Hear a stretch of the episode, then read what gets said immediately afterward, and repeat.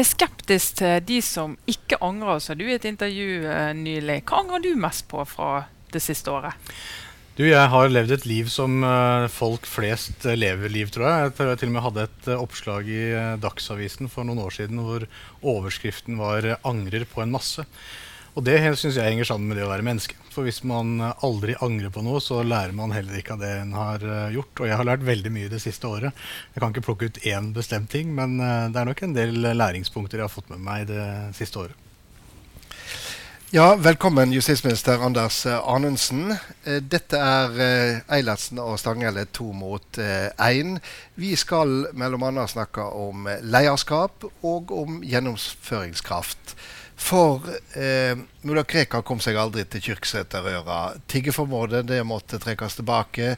Politibevæpninga det krasja i Stortinget. Og nå har vi akkurat lagt asylbarnspetakkelet bak oss. Hva er du ikke helt får til? Det tror jeg må være å få opplyst sånne som deg om hva disse sakene egentlig dreier seg om. Uh, så det er medias feil? altså? Nei da, det er min feil at ikke jeg får opplyst dere godt nok. Eh, tiggeforbudet for eksempel, var et pålegg fra Stortinget som vi skulle gjennomføre etter at Stortinget påla regjeringen å legge det frem. Vi fikk jo gjennomslag for regjeringens forslag, som var muligheten for å åpne for kommunale forbud mot tigging. Det gikk jo gjennom i Stortinget, men da var det et vedheng hvor Stortinget påla oss å gå enda lenger. Så trakk jo Senterpartiet tilbake sin støtte for dette nasjonale tiggeforbudet. Og da var det jo ikke noe grunnlag for regjeringen. Var ikke for det fordi at dere var så klossete i høringsbrevet? Nei, det var fordi at Senterpartiet snudde. Og det må Senterpartiet nesten ta ansvar for. Vi legger jo ikke frem en sak som et flertall i Stortinget ikke lenger står, står bak. Når det gjelder bevæpningen, så er jo det i samsvar med regjeringserklæringen. Og det burde ikke overraske noen om at vi sender ut et forslag fra regjeringserklæringen på høring. Og så ville selvfølgelig, etter at høringen var ferdig, vi komme tilbake til Stortinget med vurderingen av om dette skulle gjennomføres eller ikke. Så det, er, så det ikke, var ikke et forsøk på å snikinnføre generell bevæpning, selv om jeg ser det er mange som fremstiller det sånn. Sånn at eh, konklusjonen eh, må være at du egentlig syns du får det til? Jeg syns vi får til mye. Vi nå, har nå bevilga midler til 700 flere politifolk eh, i gatene eh, rundt omkring i Norge. Vi har 50 nye påtalejurister. Vi har 16 nye statsadvokatembeter etter denne regjeringen eh, trådte til. Vi har et helt annerledes beredskapssystem. Vi har satsa mye på å sikre PST ressurser til å gjøre den jobben de skal gjøre. Vi leverer veldig godt på veldig veldig mange områder. Og så er det dessverre sånn at den siste saken du nevnte, nemlig asylbarnsaken, dessverre har tatt veldig mye av fokuset bort ifra veldig mye av det vi har levert av de positive, gode sakene. Stikkordet her er, er, ledelse. Om høringsbrevet for tiggerforbudet sa jo bl.a. din sjef statsministeren at eh, kanskje ordvalget ikke var, var helt heldig. Um, og det utløste jo en debatt om hvorvidt det overhodet var lov å hjelpe tiggere i Norge. og Det var vel aldri hensikten. Leste du det høringsbrevet før det gikk ut? Ja da, og det som var poenget var jo ikke det. Det som var poenget med de formuleringene, var jo at det å hjelpe tiggere som bakmenn, altså organisert tigging, det er jo det vi skulle ramme, og det var det som fremkom av, av høringsbrevet. Men, men det kunne men det vært formulert annerledes. Det var veldig mange klart. som leste det på den måten. Så hvor kvalitetssikret var det? Altså Du som leder av, av dette departementet, hvordan kvalitetssikret kvalitetssikret du det? Og Det er kvalitetssikra gjennom linja, og det er godt og stort arbeid som ligger uh, til grunn for å legge ut et sånt uh, høringsutkast. Så det uh, tror jeg ikke er utfordringen. Noe av utfordringen ble jo debatten som kom i kjølvannet av det, hvor en la til grunn at en kunne ramme flere enn det som var hensikten. Hensikten er å ramme de som utnytter andre til tigging, de som benytter tigging som en del av en kriminell organisert virksomhet. Og det uh, jo også, mente jo da et stortingsflertall at det burde ramme. Så vi har jo forsøkt å ramme dette inn innenfor de rammene som Stortinget uh, la til grunn. Du er beredskapsminister, en uh, type minister vi egentlig ikke hadde før 22.07.2011. Gjørv-kommisjonen viste frem en skremmende mangel på koordinering da det smalt 22.07. Hvis det går av en bombe i Oslo i morgen, hva skjer da? Hvordan agerer dere? Ja, da, eh, da, er det jo politiet som i første rekke håndterer det. Samtidig så settes det jo stab i hele beredskapslinjen. Departementet har jo nå et døgnbemanna situasjonssenter. Politidirektoratet er i ferd med å opprette et tilsvarende et. Det viktigste i en sånn situasjon er at de som har ansvar, tar ansvar, og at koordineringen underveis i prosessen er god. Hvem er ansvarlig for den koordineringen? Det er uh, departementets uh, koordineringsansvar som er en viktig del av det. og Det er derfor vi har dette døgnbemanna situasjonssenteret. Så det er en person som leder det? Ja, det er alltid folk på vakt der. Og så kalles det selvfølgelig inn uh, personell umiddelbart. Det som er viktig, er det at en del av de kritiske punktene som Gjørv-kommisjonen kom med, hvor det ikke ikke var på plass et tilstrekkelig planverk. Planverket var ikke modernisert, det var ikke kjent godt nok. Eh, ansvaret var eh, betydelig mer flytende. Alle de tingene har vi nå gått systematisk igjennom. Vi har fått på plass en, et nytt eh, sivilt beredskapssystem. Vi har fått på plass eh, ansvarsavgrensninger. Vi har et helt annet samarbeid mellom Justis- og beredskapsdepartementet og Forsvarsdepartementet og våre underliggende etater, som gjør at en raskt skal kunne utløse støtte fra Forsvaret hvis det er behov for det. Ja, så du, du føler deg helt trygg på at hvis det smeller i Oslo igjen i morgen, så vil det håndteres mye bedre og annerledes enn det gjorde 22.07.2011. Ja, Det føler jeg meg trygg på. Hvor mye bedre er det selvfølgelig umulig å klassifisere på en skala. fordi at eh, I en virkelig situasjon så er det den virkelige situasjonen som avgjør hvordan du responderer. Og Vi har jo hatt både reelle situasjoner og øvelser uh, under denne regjeringen som også har vist at det er fortsatt læringspunkter. og Det er jo hensikten med disse øvelsene. Uh, at den skal ta læringspunkter, og at den skal lukke de avvikene som uh, da blir avdekket. Og Der har vi et helt nytt regime også der. For Tidligere så viste jo disse evalueringene ofte at det var feil og mangler men en hadde ikke noen strategi for å lukke dem. Nå lukkes alle disse feil og manglene før en lukker tilsynet.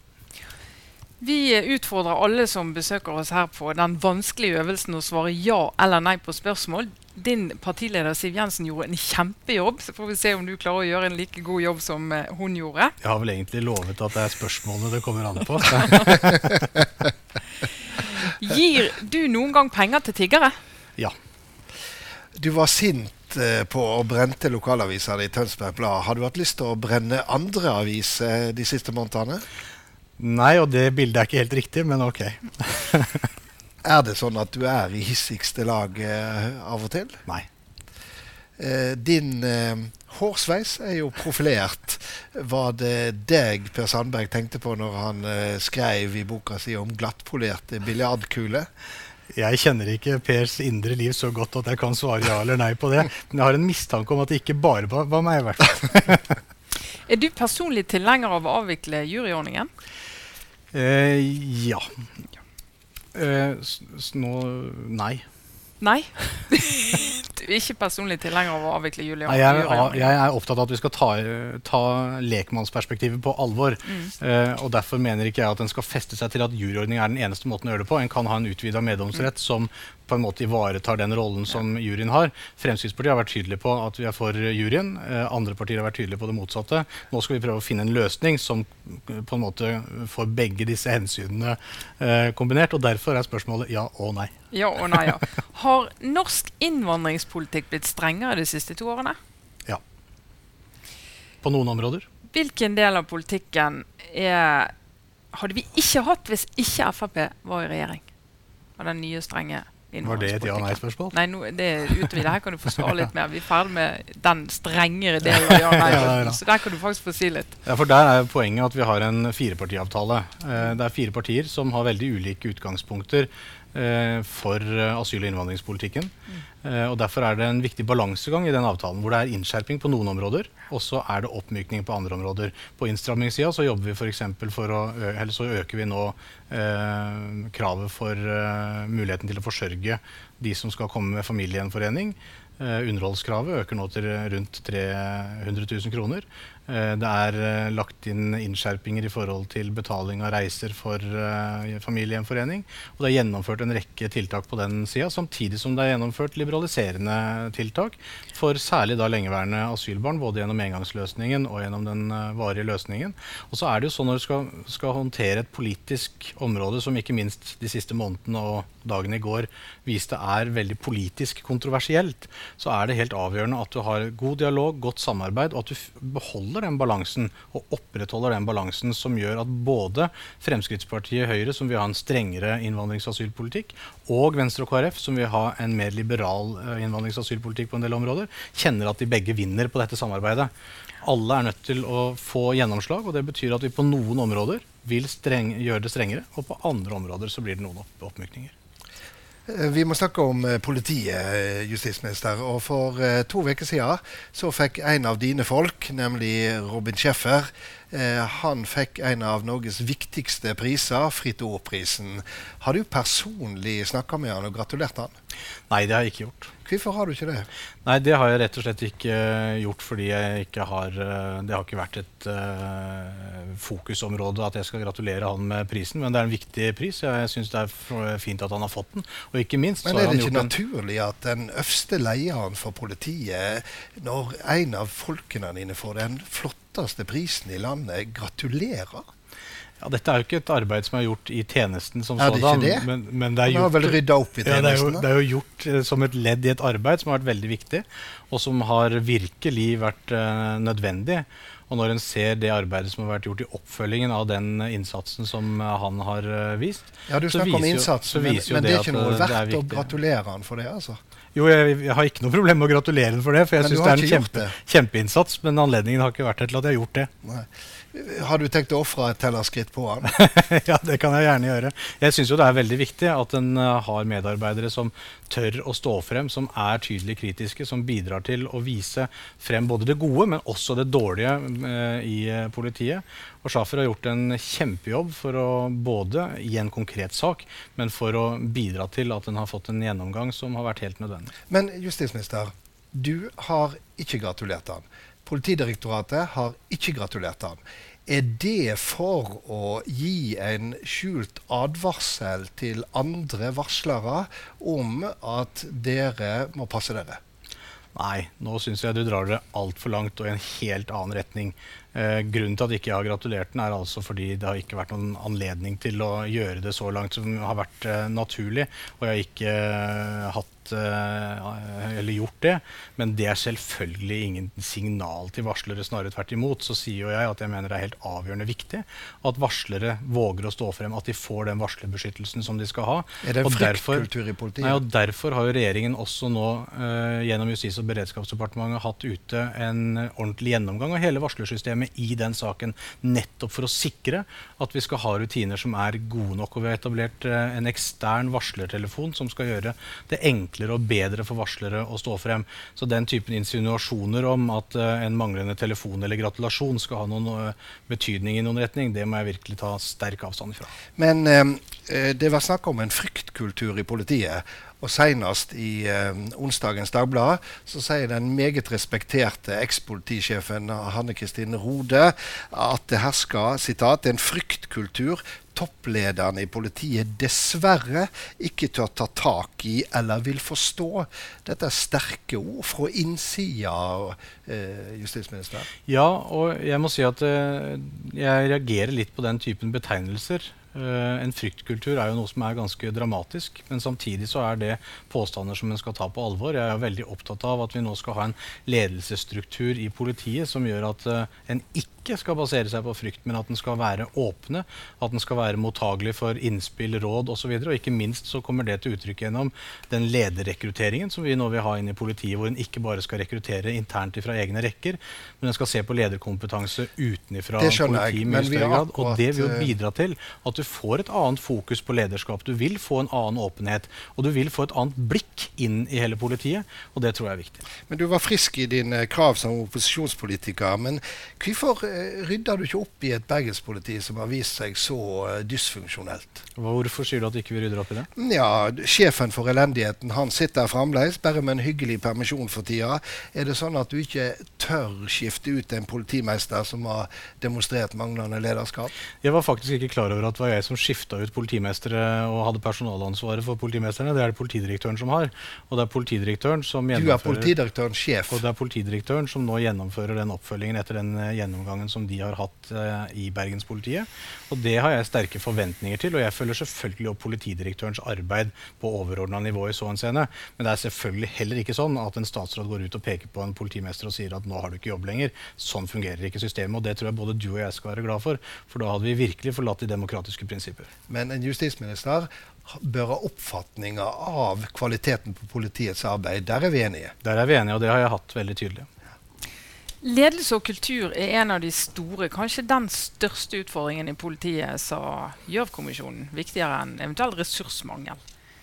Hvordan vil du karakterisere ledelsesutfordringen i politiet? Jeg tror den har uh, mange ulike fasetter. Men det er også gjort mye positivt med ledelse i politiet siden Gjørv-kommisjonen sitt arbeid uh, har vært gjennomført. En av utfordringene tror jeg har vært at det ikke har vært ledelsesfokus når man har valgt ut ledere. Det har ikke vært en, det nødvendige kompetansekriteriet rett og slett ved tilsetting av ledere. Og en har sett veldig snevert på et, et, Det har vært en opprykksbasert ledelse som blir veldig intern og veldig lite strukturert hvis det er leder, lederskap som skal være fokus. Derfor har jeg vært veldig opptatt av at ledelse i seg selv, det å ha lederskap, det skal være viktig. Samtidig så handler det om eh, en slags kultur hvor det er viktig å sikre at alle er sitt ansvar bevisst. For i politiet, som er en helt spesiell organisasjon, så utøver alle ledelse. Altså fra første gang du er ute i tjeneste, til du er politidirektør, av den sagt, så utøves det ledelse på ulike nivå. Enten det er gjennom trafikkdirigering eller ledelse av avdelinger, politistasjoner osv.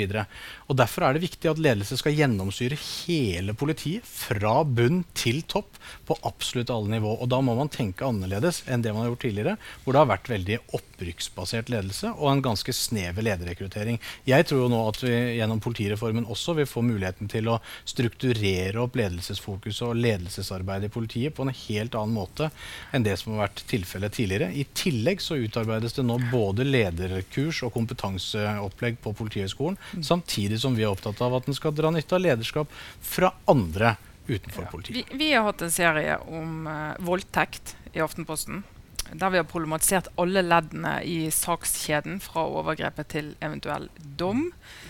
Hva er etter din mening forskjell på ledelsen i de politidistriktene som har gode tall på voldtekt, og de som har dårlige tall som er knyttet til voldtekt? Jeg tror kanskje det har å gjøre med ledelsens eget fokus på dette. Altså Du må ha ledere som er opptatt av å løse problemene på en skikkelig måte. Vise at de prioriterer disse etterforskningsoppgavene. Så de som har dårlige tall, de er ikke opptatt av det? Vise at etterforskerne at uh, dette blir tatt på alvor. Jeg hadde en runde med alle påtalelederne og politimesterne om dette for noen få uker siden.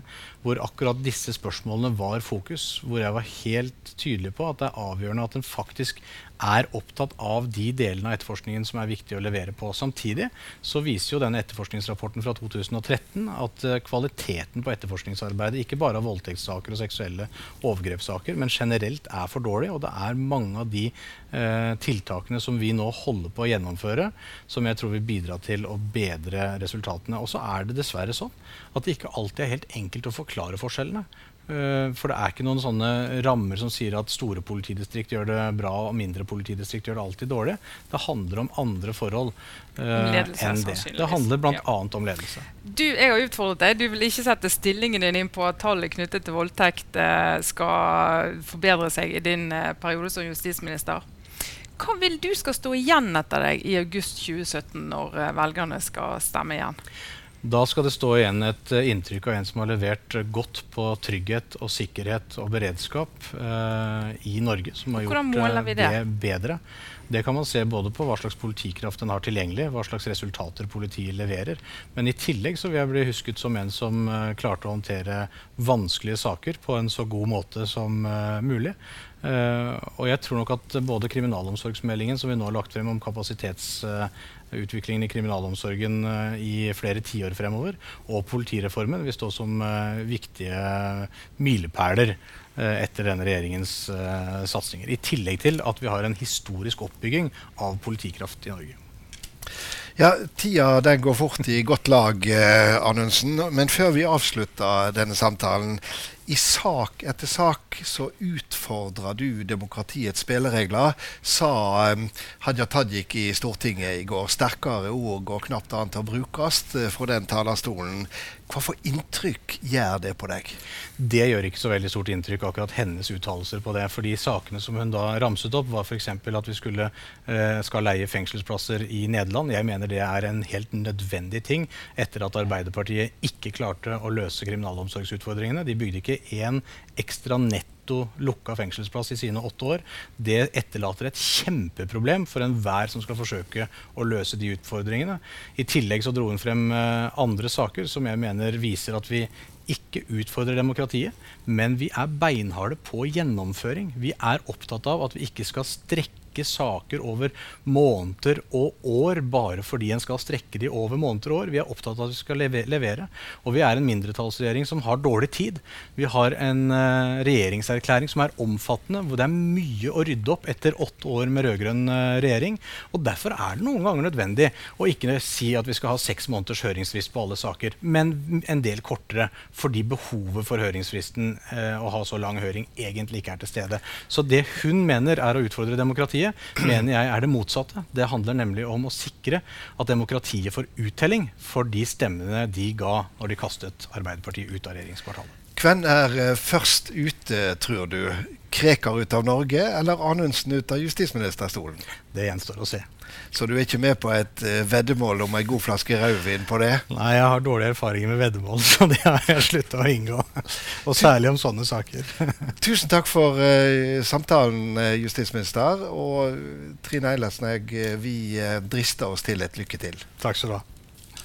Justisminister, hvordan syns du dette gikk? Jeg tror dette gikk helt greit. Uh, var det noe du syntes var vanskelig å, å, svare på? Ja, Det var et spørsmål som jeg svarte både ja og nei på. Det var fordi jeg misforsto det første spørsmålet. Men jeg tror jeg klarte å løse det også på en ganske god måte. Du har jo også en fortid i Radio Larvik uh, og var bl.a. kjent for å gi politikerne god tid til å snakke ut. Vurderte du noen gang å bli journalist? Jeg har vel aldri reelt sett vurdert det, men eh, det har alltid vært spennende å jobbe med radio og media sånn sett. Eh, og jeg likte meg veldig godt i lokalradioen. Eh, der, I de debattprogrammene som vi hadde der, var jeg veldig opptatt av at politikerne skulle fullføre resonnementene sine. Fordi veldig ofte så blir de resonnementene kuttet av. og litt sånn ødelagt av litt overivrige journalister som syns det er mye bedre å høre på sine egne resonnementer og egen stemme enn å høre på de politikerne som de faktisk utfordrer. Uh, hender det at du bruker gitaren til å, til å roe deg litt ned? Ja, jeg bruker gitaren til mange forskjellige ting, men jeg gjør det vanligvis i uh, min egen stue etter at dørene er lukket. For jeg er ikke så veldig flink. Det var jo en uh, intens runde med deg og justisministeren på Robin Schaffer, som han altså da ikke har gratulert for Fritt Ord-prisen. Tror du han forsto hvorfor du mente det var viktig? Når jeg er litt oppbrakt over dette her, litt mer oppbrakt enn det vanlig, vanligvis, ja, så er det fordi at uh, vi kjenner historien til Schäffer. Hvordan han nærmest er blitt forfulgt i bergenspolitiet. Mm. Satt på sidelinja, marginalisert trua til taushet, så lar han seg ikke true til taushet. Men han insisterer på å gå videre med dette tross alt. Og så gidder ikke justisministeren, eller har ikke omtanke nok, eller blikk for tellerskritt nok til å gratulere. Da, da ble jeg litt uh, hissigere eller pleier være. Og, og, det går jo litt inn i det som uh, du stilte spørsmål om der. Jeg ble litt overraska eh, han svarte på hva som han ville skulle stå igjen etter ja, En av de tingene han vil skal stå igjen, er jo blant at han håndterer de vanskelige sakene godt. Og det må jo være lov å si at det har ikke helt hvis han hadde sluttet etter det første året, så hadde ikke det stått igjen. Hvis han hadde sluttet nå, så hadde ikke det stått igjen. Så det skal jo skje en god del frem mot august 2017 for at det skal være noe du tenker ja, det var han som håndterte eh, de vanskelige sakene godt. Og så spurte vi han jo eh, om beredskap, som egentlig kanskje er det en justisminister som tiltrer i 2013 først og fremst vil bli målt på ja. når vi kommer til 2017. Og Der er det jo litt vanskelig å få grep om det konkrete som skal tilsi at uh, en katastrofe som den vi så 22.07.2011 vil bli håndtert mye bedre og mer annerledes i dag. Og Samtidig så er jo det et av de tingene der vi kanskje har lett for å bli litt for urettferdige også, fordi at dette vet jo ingenting om før det skjer, og vi håper jo intenst at det ikke skal skje. Så Sånn sett så kan du si at en blir målt på det som ikke fungerer, mm. men ikke alt som fungerer. Som fungerer nei. Men også fryktelig det når det da viser seg at det ikke har fungert på mange år. Nettopp, og det var jo det Jens Stoltenberg og hans regjering eh, opplevde, eh, som, som, vi alle vet, med den voldsomme kritikken, eh, og berettiga kritikken, som Gjørv-kommisjonen retta mot den forrige re regjeringa. Men jeg tror eh, justisministeren har eh, skjønt eh, alvoret, i hvert fall etter i går. Vi må jo kunne tolke han sånn, så får vi, får vi se hvordan det går med den neste vanskelige saken. De kommer, de står i kø. De er det, dette er et vanskelig felt, og det er veldig mangfoldig felt. Det er jo litt fascinerende for oss politiske kommentatorer å følge nettopp Anders Anundsen, fordi at han var jo en slags wonderboy. Han ble kalt en slags bauta. Og, og han var jo budsjettvinneren i fjor høst. i motsetning motsetning til en del andre statsråder der det var mye gråt og tennisgnitsel. Mm. Og så har vinteren gått han imot. Og det interessante er jo om han har eh, det toet i seg som skal til for å reise seg ut av mm. dette. Uten så kan nok han bli en av de som eh, statsministeren eh, er nødt til å, mm. til å vurdere når hun nå eh, før eller senere må komme et mannskapsskifte. Ja. Dyktig å snakke for seg, det er han. Kanskje skulle gjort det oftere? Han skulle definitivt gjort det oftere denne vinteren, i hvert fall. For det å gjemme seg på kontoret og ikke være med på å legge premissene for debatten Det gagnet ingenting. Det var hans tabbe. Ja.